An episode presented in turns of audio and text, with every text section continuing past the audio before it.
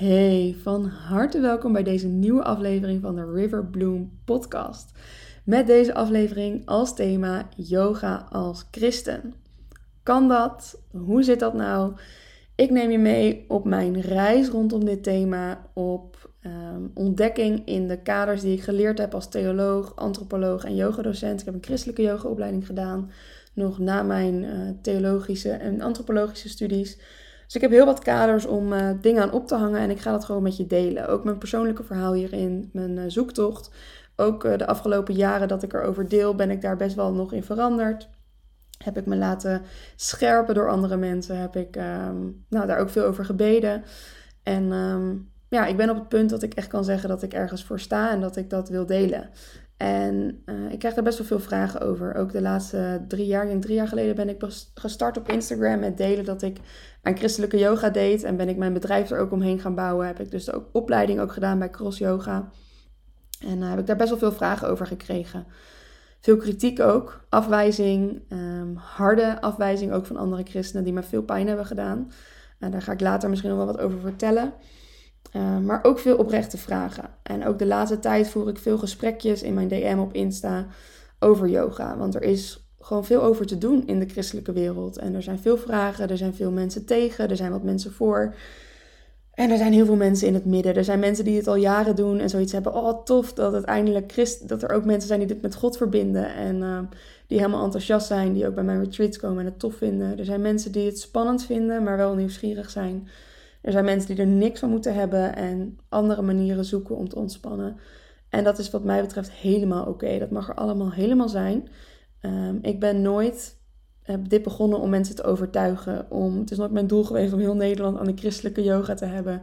Of om jou te overtuigen dat je yoga mag doen. Het is denk ik echt een persoonlijke zoektocht. En ik denk dat iedereen daar um, nou, andere meningen over mag hebben. Zoals we dat als christenen allemaal mogen. We mogen op een andere manier ons geloof beleven en vormgeven. En ik denk dat het voor veel mensen um, yoga of stretching een hele fijne manier kan zijn om hun geloof te beleven. En uh, voor die mensen maak ik deze podcast, zodat jij kan ontdekken: hey, als je dit spannend vindt, als jij nog misschien met overtuigingen ook uit je jeugd zit, of uh, in hoe je opgevoed bent, of uh, uit je kerk waar je in zit, dat je denkt: nou, ik wil hier gewoon meer over weten, ik wil meer in verdiepen en een keuze voor, mij, voor mezelf maken wat ik hiermee wil. Um, dan is deze podcast voor jou. En dan wil ik je graag informeren, informatie geven en ook inspireren om zelf de zoektocht aan te gaan en te zoeken voor jezelf. Hey, uh, wat betekent geloven voor mij? Wie is God voor mij? En op welke manieren mag ik naar Hem toe komen? En is beweging daar een manier voor voor mij? Nou, om te beginnen, hoe is mijn reis met yoga voor mijzelf begonnen? Ik denk nu ongeveer zes jaar geleden. Um, ik was altijd opgegroeid, ik ben opgegroeid in een, um, nou, de eerste jaren in een christelijk geformeerde kerk. En toen rond mijn tienertijd zijn we een evangelische kerk geweest. Dus ik zou mijn geloofsbeleving wel echt als evangelisch beschouwen. Omdat dat mijn tienertijd was en dat eigenlijk het meest vormend is geweest voor hoe ik nou, naar de wereld en naar het geloof en naar God kijk. En uh, in die evangelische kerk was best wel uh, moralistisch in die zin, met uh, heel duidelijk goed en fout en kwaad en niet kwaad, rein en onrein. Dus een hele strikte scheiding tussen wat dus goed en niet goed is. En uh, wat van God is en wat niet van God is. En daar was het eigenlijk gewoon heel duidelijk. Yoga, dat, is, uh, dat was niet eens een onderwerp. het was gewoon duidelijk dat dat niet van God was en dat het niet goed was. En ik weet nog wel dat ik daar best wel stellig in was. Ik heb jeugd met een opdracht gedaan, DTS. Nou, dat is ook een hele uh, rechtlijnige manier van geloven. En ik kwam daar echt wel uh, ja, rechtlijnig ook van terug, zwart-wit. Ik wist heel duidelijk wat goed en wat niet goed was en um, hoe God dat voor zich zag. En yoga was daarin gewoon, ja, was eigenlijk geen discussiepunt. En ik weet nog wel dat mijn zusje voor haar uh, opleiding journalistiek uh, een lesje yoga ging doen. Dat ik echt zoiets had van, nou, dat doe je toch niet? En in mijn eerste jaar van theologie was er iemand die een bodyscan wel eens deed. Die vertelde daar in het vak christelijke spiritualiteit, vertelde hij daarover van, nou, ik doe wel eens een bodyscan. Nou, die hebben we echt staan afvoeteren. En um, ik weet nog dat de leerkracht toen voor hem opkwam, zo van, hallo, doe eens normaal. Hoe... Um, ja, een, eenzijdig zijn jullie en hoe kijken jullie hiernaar? En uh, toen kregen we wel een beetje op onze, nou, donder, hoe zeg je dat netjes? Dat we dat zo, um, ja, dat we onze medestudent zo uh, aan het veroordelen waren. En dat ze daar wel van schrok, dat dat uh, nou, zo speelde bij ons. En um, ja, dat, dat was het voor mij ook echt. Het was echt zo van, ja, dat is gewoon niet van God en daar doe je gewoon niet aan. En daar kon ik ook heel moeilijk op reflecteren, denk ik. Omdat ik uh, nou, gewoon ook niet anders gewend was of anders gezien had. En daar heeft mijn theologiestudie wel heel erg in, mij in veranderd. Omdat je daar dus zat, nou dit voorbeeld laat dus al heel erg zien... dat je daar zit met mensen die dus op een hele andere manier hun geloof beleven. En het was in die zin dus ook heel rijk om met zoveel mensen vanuit verschillende stromingen eh, theologie te studeren en juist het over God te hebben en te zien dat je dus allemaal op een andere manier eh, naar dezelfde God kan kijken en uit een andere traditie komt. Over kinderdoop en volwassen doop hadden we ook veel discussies van, oh, hoe zie jij dat dan en hoe jij dan en hoe um, beleef je dat dan? En bijvoorbeeld mijn man is echt heel erg evangelisch opgevoed en die had echt zoiets van, in de uh, geformeerde kerken, daar hebben ze geen levende relatie met Jezus. En toen zat hij aan tafel met mensen uit een geformeerde kerk en zag hij ook van ja, deze hebben, mensen hebben heus wel een relatie met Jezus. Het ziet er gewoon anders uit dan het in het evangelische wereld doet. En um, nou, daar zijn, is mijn hart wel heel erg ja, zachter van geworden. Uh, om daarin open te zijn voor de geloofsbeleving van iemand anders. En dat dat er dus anders uit mag zien dan dat het er voor mij uitziet. En dat dat kan en helemaal oké is. En dat je samen mag zoeken ook naar um, wat is waarheid. En als onze waarheid anders is, dan is dat ook goed. En dan vinden we nog steeds dezelfde God. En dan zien we nog steeds dezelfde God. En dan mogen we er ook op vertrouwen dat God zijn werk doet in en door ons. En mogen we elkaar bevragen en in dialoog gaan. En vanuit die basis, zeg maar, in gesprek gaan. En um, nou, in die tijd zat ik ook wel veel in mijn hoofd. Het is natuurlijk wel een hele hoofdelijke studie.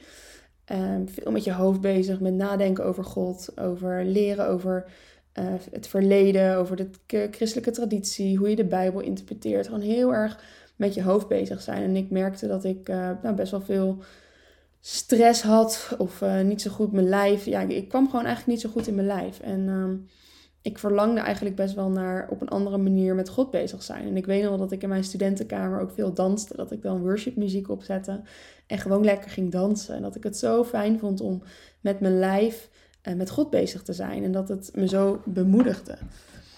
En ik weet dus niet meer precies wanneer ik voor de eerste keer echt yoga heb gedaan. Ja, ik weet nog wel dat ik tijdens mijn studie antropologie, dat was dan een master. En dat was dus meer buiten mijn christelijke bubbel, omdat daar dus ook, uh, of vooral eigenlijk niet-christenen op die... Uh, studie zaten.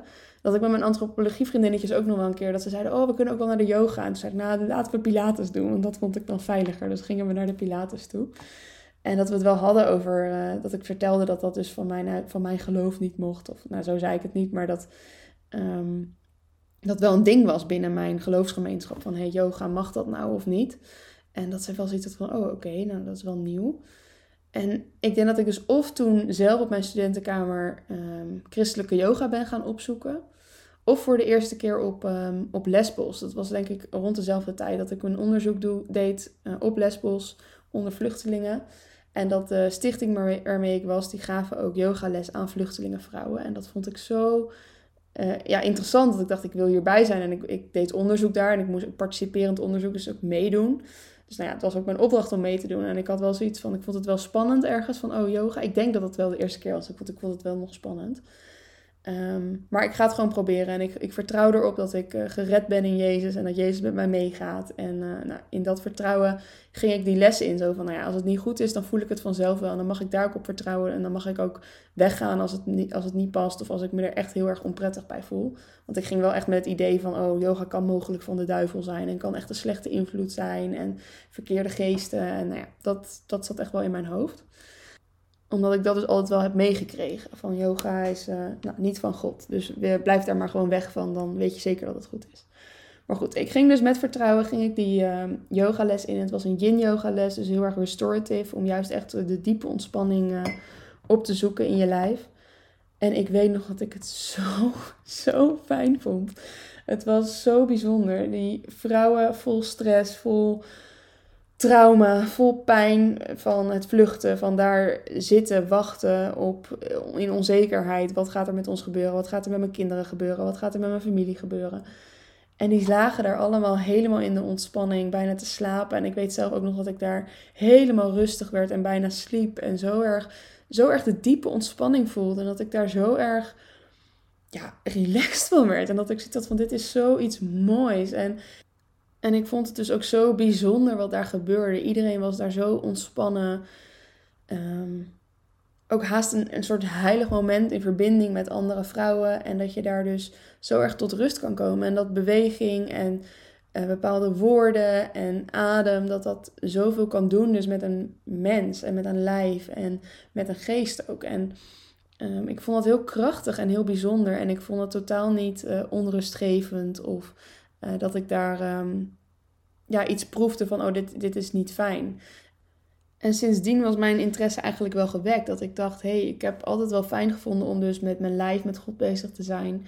Um, en heb ook altijd wel veel gesport, dus ik ben sowieso ook wel een lijfelijk persoon. Um, hou van bewegen, hou van op die manier met mezelf bezig zijn. En ik vond dit zo'n fijne manier van ontspannen en van ook in mijn lichaam echt rusten. En voelen dat daar dus best wel veel opgebouwde spanning ook lag, die ik op, dit, uh, op deze manier los kon laten. En nou, dat heeft wel een, een zaadje geplant, denk ik, van interesse. En volgens mij ben ik sinds eh, ja, na die tijd uh, dingen gaan opzoeken. Christelijke yoga ben ik toen ook gaan googlen en dat ook gevonden online van een Amerikaanse vrouw. Dat ik dacht, nou, dat is dan misschien wel een mooie manier om daarmee bezig te zijn, dat het ook echt samen met God is.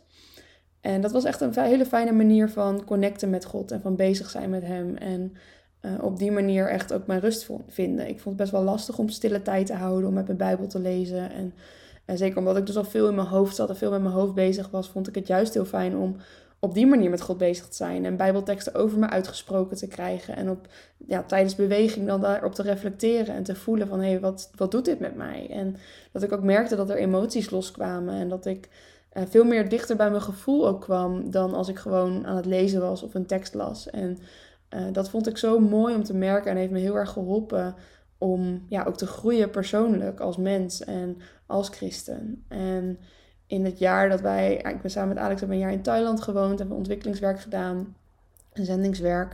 En dat was een heel mooi jaar, maar ook gewoon een heel heftig en heel zwaar jaar. Eh, ik kreeg dat jaar ook een miskraam, een hele vroege miskraam. Dat was heel eenzaam, omdat je ook ja, ver weg zit van familie en vrienden. En ik miste thuis. En je lijf laat je eigenlijk in de steek. Ik vond dat echt uh, lijfelijk ook best wel heel zwaar en daardoor ook mentaal. Dus ik denk van ja, kan ik mijn lijf dan nog vertrouwen? En daarin heb, heb ik ook veel yoga gedaan thuis. En um, daar echt ook wel weer vertrouwen op, in mijn lijf weer in opgebouwd. En uh, gevoeld van, oh ik mag mijn lijf vertrouwen en mijn lijf kan dit. En op een hele positieve en zachte manier met mijn lijf om te gaan. In plaats van keihard denken, oh, ik ga nu sporten en uh, heel hard bezig zijn. Nee, ik had echt dat, dat zachte had ik echt heel erg nodig. En um, ja, lief zijn voor mezelf en voor mijn hart en voor mijn lijf. En dat heeft me heel erg geleerd om uh, met yoga bezig te zijn. En tegelijkertijd, dat was dus eigenlijk mijn lijfelijke onderzoeking van hé, hey, wat doet het met mij? En dat is voor mij één reden om te zeggen, ja, ik vind yoga een heel mooi middel, omdat ik gewoon zie wat het voor mij gedaan heeft en gebracht heeft. En de, het bewustzijn wat het mij gebracht heeft in mijn lijf, in mijn emoties, in mijn gevoelens. Um, het helpt mij om grenzen aan te geven. Om op mijn mat oefen ik eigenlijk met grenzen aangeven, met ruimte innemen, met lief zijn voor mezelf, zodat ik dat in het echte leven ook kan doen. En tegelijkertijd ging ik ook met mijn hoofd onderzoeken van hé, hey, er is mij altijd gezegd dat dit niet mag. En ik merk wel dat ik dit prettig vind, dat ik hier behoefte aan heb. Dus hoe kan ik dat rijmen? En hoe kan ik um, ja, dit op een manier doen die ik wel prettig vind en die bij mij past en waar ik ook achter kan staan als christen en als theoloog en antropoloog.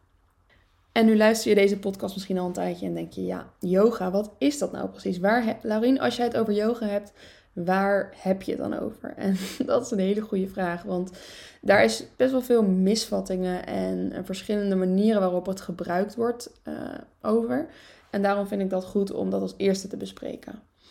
Yoga is ontstaan in het oude India. Een van de eerste uh, plekken waar we yoga vinden zijn de oude geschriften van het Indi uit India, de Upanishads en de Bhagavad Gita. En daar gaat het eigenlijk heel vaak over uh, het eenmaken van je lichaam, ziel en geest. Dus gaat het eigenlijk heel erg over mediteren, over bezig zijn met, je, met jezelf, met je uh, mind en met wat er speelt van binnen. En eigenlijk is het pas later, uh, 300, 400 na Christus, um, is het eigenlijk ja, geëvolueerd in meer een filosofie. Dus Patanjali heet die meneer, de Yoga Sutras of Patanjali heeft hij geschreven. En dan gaat hij het eigenlijk meer ontwikkelen in echt een filosofie. Het wordt ook wel eens een religie genoemd, maar zo noemen ze zichzelf niet. Uh, al zijn er wel religies die het gebruiken of die er een religie van maken, zoals je met elke filosofie kan doen. Uh, maar in principe is het een filosofie, dus een manier om naar het leven te kijken, een manier om ermee bezig te zijn. Ehm, en is, hij verwoordt yoga eigenlijk als to ease the fluctuating state of thoughts. Dus het versimpelen van de ja, golfbewegingen van je mind, van je uh, geest, je gedachten, je brein. En deze tekst gaat eigenlijk heel erg over een radicale levensstijl van, van geïsoleerd leven, van met jezelf bezig zijn, echt naar binnen keren en je afzonderen eigenlijk van uh, de werkelijkheid.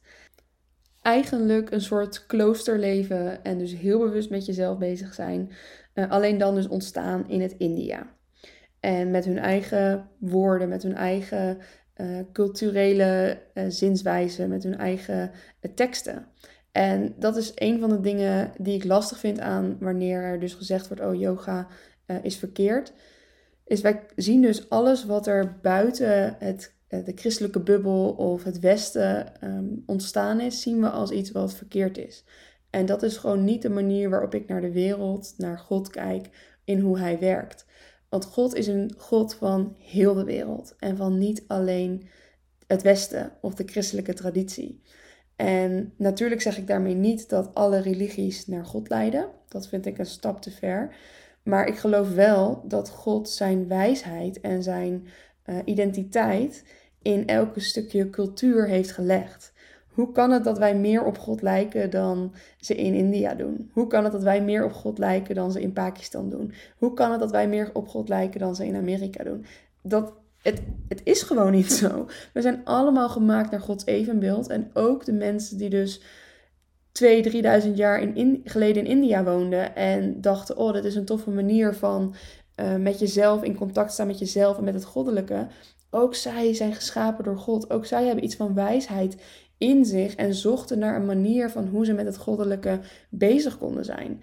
En zij hadden dus niet de christelijke taal om daar dingen aan op te hangen, maar gebruikten hun eigen taal. En met die bril wil ik kijken naar andere gebruiken. Wil ik kijken naar dingen die geschreven zijn. Wil ik kijken naar dingen die mensen zeggen. Omdat het niet gaat om taal, maar het gaat om het hart er, er, eronder en erin. En uh, taal is uiteindelijk een sociaal, een cultureel construct. Is iets wat is opgebouwd door de geschiedenis en door culturele um, ontwikkelingen heen. En dat is dus mijn uitgangspunt als ik het heb over het onderzoeken van nou, dingen die buiten je straatje liggen. Is mijn uitgangspunt, hey, uh, welke boodschap zit eronder? En, en matchen die waarden dan met elkaar. En als je dus kijkt naar yoga, dan is het dus een losstaande filosofie. Maar wordt het later ook door het Hindoeïsme gebruikt. En wordt het door bepaalde spirituele stromingen gebruikt. En worden de dingen aan toegevoegd. Op een gegeven moment komen dus pas later, eigenlijk in de koloniale periode, worden er houdingen aan toegevoegd. Dus hoe wij nu naar yoga kijken en zeggen, oh dat gaat om de houdingen en de bewegingen. Is dat eigenlijk pas iets wat veel later kwam in de ontwikkeling van wat yoga is. En is het dus heel moeilijk om te zeggen, wat is yoga? Als je het daarover hebt.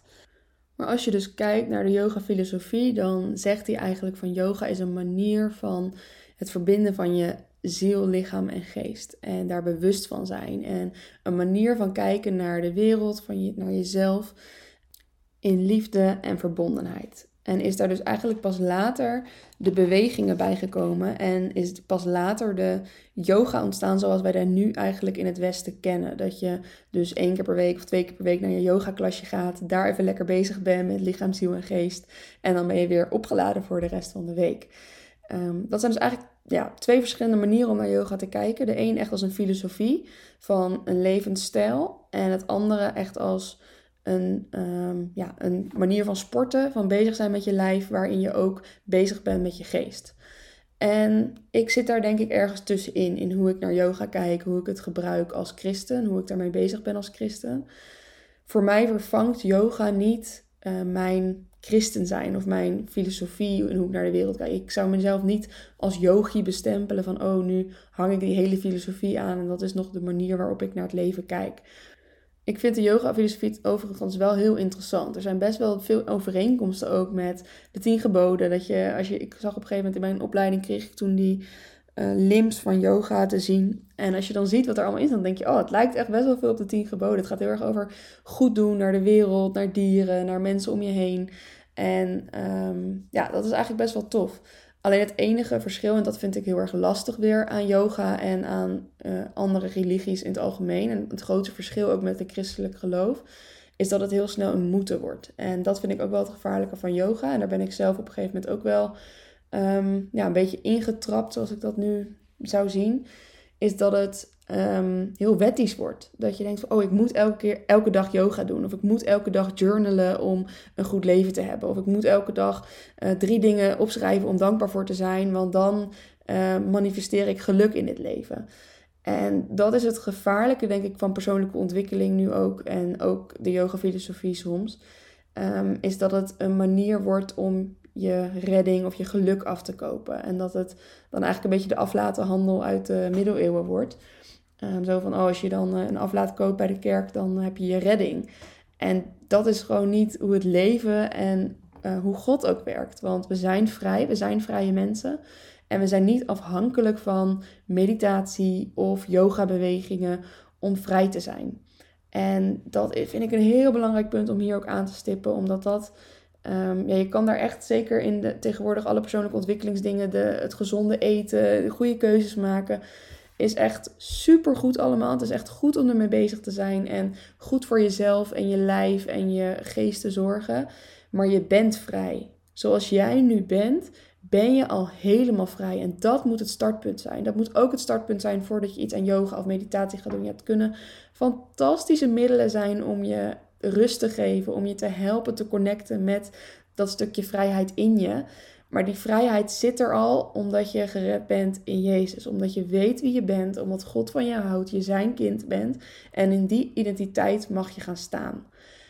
En het kan soms moeilijk zijn om in die identiteit te gaan staan. Je kan soms even de connectie niet meer hebben en het even niet meer vinden. Er zijn dingen in de wereld die gebeuren waardoor je het niet meer snapt en het niet meer weet. En dan geloof ik wel, kan yoga, kan meditatie, kan beweging, kan creativiteit, kan uh, goede vragen, kan coaching, kan noem het maar op, gezond eten.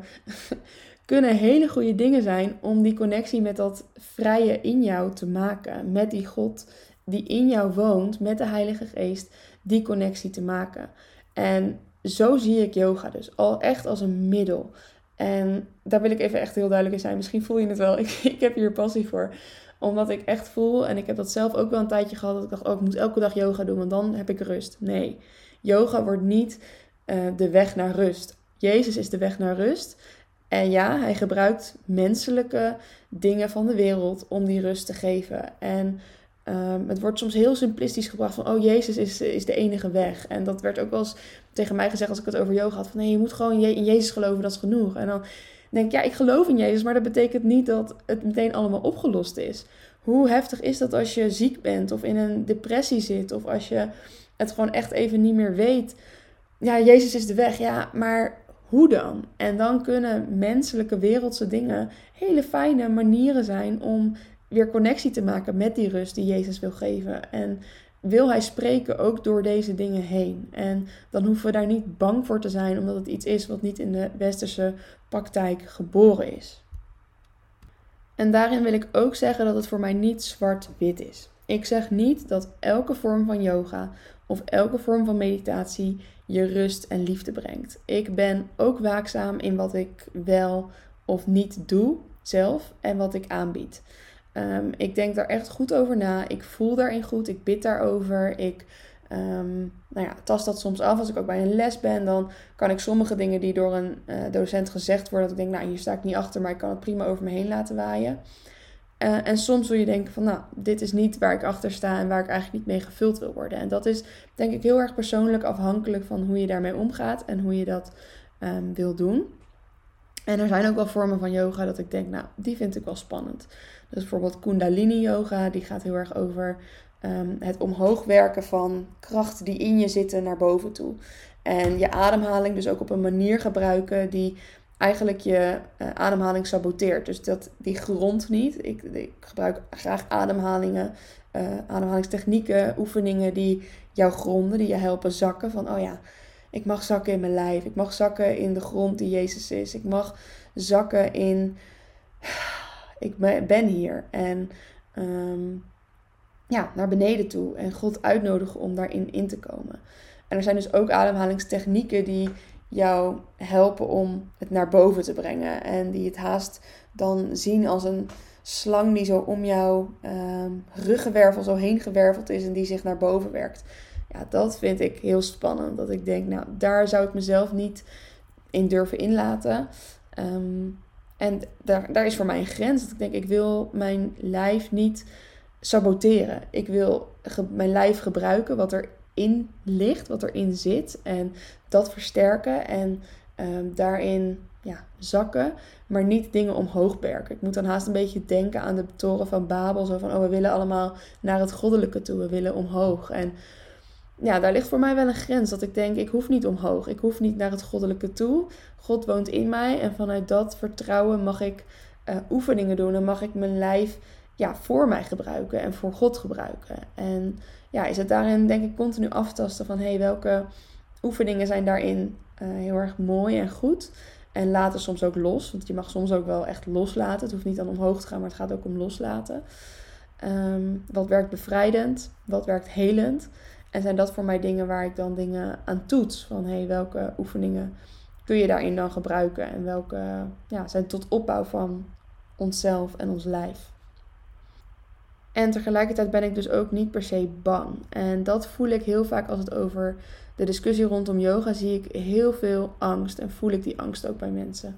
En ik, ik weet niet precies waar dat om gaat. Misschien is dat angst om het fout te doen. Als ik naar mezelf kijk toen ik angst had voor yoga, was dat inderdaad wel echt Ehm, ja, het, bang om het fout te doen voor God en voor mezelf en voor ehm, de mensen om me heen. Omdat ik zo ja, was opgegroeid met dat idee van je moet het goede doen. En ehm, ik denk dat het niet zo zwart-wit is, dat het geen wij-zij-verhaal is. Ik denk dat er in de kerk ook veel foute dingen gebeuren. Dat het niet zo is van oh, binnen de kerk of binnen de christelijke wereld is het allemaal goed en daarbuiten is het fout.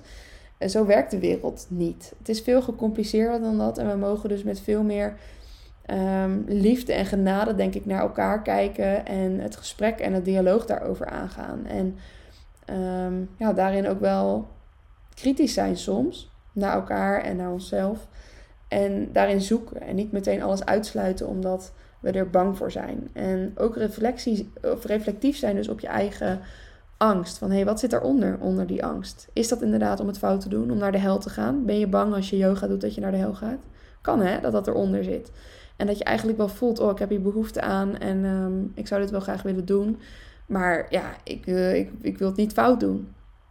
Dan kan het heel goed zijn en helend zijn om daar naar te kijken. En ehm, ja, angst is nooit een goede raadgever. En we lezen ook in de Bijbel dat perfecte liefde angst uitdrijft. En als daar echt een stukje angst onder zijn, dan zou zit, dan zou ik je echt willen uitnodigen om daarnaar te kijken en te voelen van hé, hey, ehm, ja, hoe komt dat en wat zit daaronder? Want dat is nooit zomaar gewoon angst.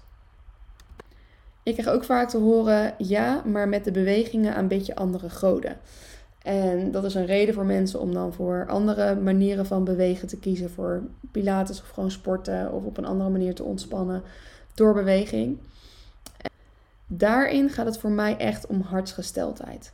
Als je kijkt naar Daniel, het verhaal van Daniel dat hij niet wilde knielen voor andere goden, maar wel voor Yahweh.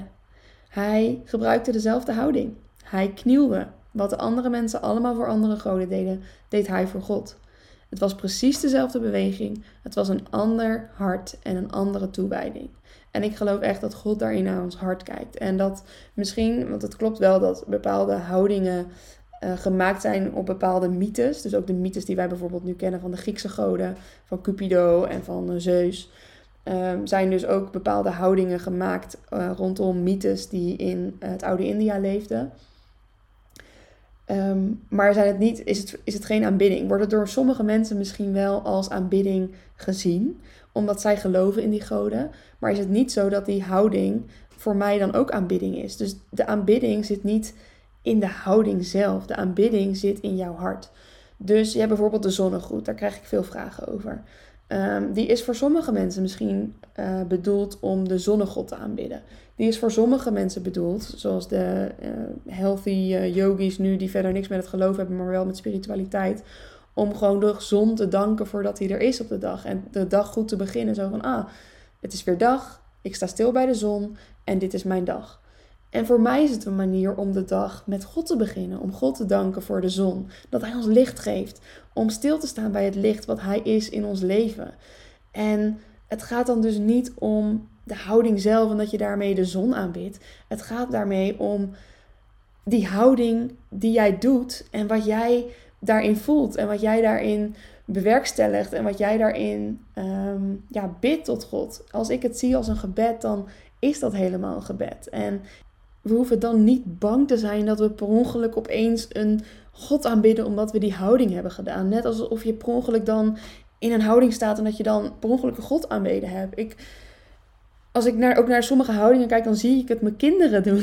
Denk ik, dit, het zit in ons, die houdingen. En het is ons lijf. En we mogen dat invullen op een manier die bij ons past. En we mogen daar echt samen met God in zoeken. En we hoeven niet krampachtig vast te houden en bang te zijn dat we iets verkeerd doen. En dat mogen we echt loslaten. En nou, daar help ik je heel graag mee. Door beweging en door meditatie. Want ik gebruik het dus echt als een middel, als een tool om bevrijding, heling, loslaten, opbouw te bewerkstelligen in jou, in je lijf, in je geest en in je ziel. Het is voor mij één van de middelen, één van de inspiratiebronnen eh, die ik gebruik, waar ik mijn sessies op baseer. Uh, drie jaar geleden ben ik begonnen met alleen echt yoga-series. En ik merkte eigenlijk gaandeweg, na drie jaar ontwikkelen, leren en ervaren, dat het niet alleen yoga is wat ik doe, maar dat het één van de middelen is. één van de manieren. Ik doe ook heel veel met creativiteit. Ik vind creativiteit ook echt een heel mooi middel om in te checken met jezelf, met je gevoel, met God. En ik gebruik dat naast uh, meditatie, naast bezig zijn met Gods woord op nieuwe, verfrissende manieren. Naast de natuur. De natuur is ook een prachtige plek van inspiratie, van waar God zichzelf laat zien aan ons. Kritische vragen, reflectie, met elkaar delen. Dat zijn de bouwstenen waar ik mijn sessies op baseer. Waarin ik mijn retreats gebruik. Waarin ik mijn programma's, mijn online programma op baseer. En dat toets ik dus allemaal aan wat ik in de Bijbel lees. In wat ik om mij heen zie. Wat nodig is aan nieuwe psychologische inzichten. En daarin ben ik niet bang om te zoeken naar dingen die buiten onze traditie liggen. Omdat ik zie dat Gods wijsheid er ook in zit. En tegelijkertijd ben ik ook waakzaam en let ik erop dat het ja, zuiver blijft. En dat het altijd ter opbouw is van ons geloof, van jezelf. En van, in verbinding met anderen ook. En daarin wil ik ook blijven innoveren. En vind ik het ook mooi als de kerk dat blijft doen. Als je kijkt naar wat we nu in de kerk doen, de drumstel, de kerstboom, dat vonden we ook heel lang heel duivels. Of bepaalde manieren van zingen vonden we ook spannend. We zijn ook uit andere culturen overgenomen. De kerstboom is ook vanuit een heidense cultuur hier in Nederland. Dat we dat gebruik zijn gaan aanpassen en gaan zoeken. Oké, maar hoe kunnen we daar op een manier die bij ons past en bij onze christelijke overtuiging uh, betekenis aan geven? En dat is dus ook hoe ik naar yoga kijk. Ik zeg niet, yoga is altijd helemaal goed en brengt je instant naar Jezus toe. Nee, Jezus blijft de weg. En tegelijkertijd zitten er heel veel mooie dingen aan die we in onze christelijke geloofspraktijk een beetje missen.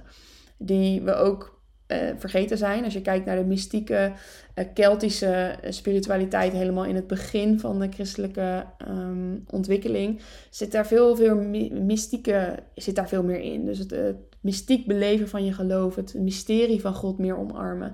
Lexio Divina is ook een manier van Bijbel lezen die ik nu ook veel gebruik tijdens mijn retreats en in mijn programma's. En daar dus weer meer naar teruggaan. En echt dat lijfelijke, dat wat we eigenlijk heel weinig in de christelijke praktijk zien, om dat weer meer te integreren. En mogen we ook als kerk blijven innoveren. Als christenen mogen we zoeken naar, hey, hoe mag ik in deze tijd um, christen zijn? En nou, daar vind ik yoga dus een van de hele mooie middelen voor, die ik daar heel graag voor gebruik. Nou, we zijn aan het einde gekomen van deze podcast. Misschien zit je nog wel met veel meer vragen dan je had. Stel ze dan vooral aan me, vind ik hartstikke leuk. Uh, wie weet maak ik nog eens een keer een vervolgpodcast hierop of kan ik jouw specifieke vraag nog beantwoorden. En als je hier nog zit en denkt, oh, ik vind het eigenlijk wel tof wat je vertelt en het raakt me wel en ik vind het toch ook nog spannend. Dan wil ik je uitnodigen om daar eens onderzoek naar te doen. Waarom vind je dat spannend? Doe bijvoorbeeld eens een oefening. Uh, ga eens uh, zitten Pak je journal erbij of een stuk papier met een pen. Zet een wekker van 10 minuten. Schrijf op aan de bovenkant van je papier waarom vind ik yoga spannend. En begin gewoon met schrijven. Onderzoek eens wat eronder zit. Want er zit ongetwijfeld iets meer onder dan jij nu denkt. Wat zit eronder? Zit is het echt jouw mening? Is het een bepaalde angst? Zijn het meningen van buitenaf? Of sta jij er echt helemaal achter? Want als jij nu nog twijfelt of dit, dit iets voor je is, dan is het ook onrustig als je blijft twijfelen. Het is ook fijn als je op een gegeven moment gewoon een beslissing kan maken: dit is niet voor mij. Of ik ga dit nu gewoon proberen en we gaan wel zien waar het schip strandt. Maar dat je een keuze kan maken. En dan kan het nog steeds een keuze zijn dat je het dus niet doet, omdat het niet bij je past, dat je het niet fijn vindt. Maar dan heb je wel meer inzicht op waarop het gebaseerd is. Zodat je ook in liefde het gesprek aan kan gaan met iemand anders die er anders in staat. Want dan weet je waar jouw pijn dus zit en jouw angst misschien ook wel. Of jouw mening van ik sta hier niet achter. En dan kun je ook op een liefde manier, liefdevolle manier het gesprek aangaan. En vind je het spannend en heb je ergens wel het verlangen om het te proberen in een veilige setting, dan ben je van harte welkom bij Riverbloom. Bij een retreat waar we onder andere beweging gebruiken om te zakken in het lijf of in een van mijn online programma's. En dan ben je echt super welkom. Ik moet dan ook denken aan een van mijn deelnemers van Embrace, Willeke. Zij schreef in haar review ook: eh, Ik vond zijn is genoeg een hele abstracte term. Ik kon daar niet zoveel mee. Maar door het programma heb ik zoveel van mogen leren. En eerst vond ik mediteren best wel spannend. Ik wist niet zo goed wat ik daarmee moest. Maar nu vind ik het zo fijn om op die manier bij God te zijn. En ook van het knutselen en uh, creëren word ik zo ontzettend blij. En nou, dat heeft zij in een hele veilige, fijne uh, omgeving van Embrace mogen ontdekken. En die uh, ruimte maak ik ook heel erg graag voor jou. Je bent echt van harte welkom, helemaal zoals je bent. Hey, bedankt voor het luisteren van deze podcast. Super leuk dat je er weer was. En ik vind het heel leuk om te horen van je wat je ervan vond. Hey, veel liefs. Doeg doeg!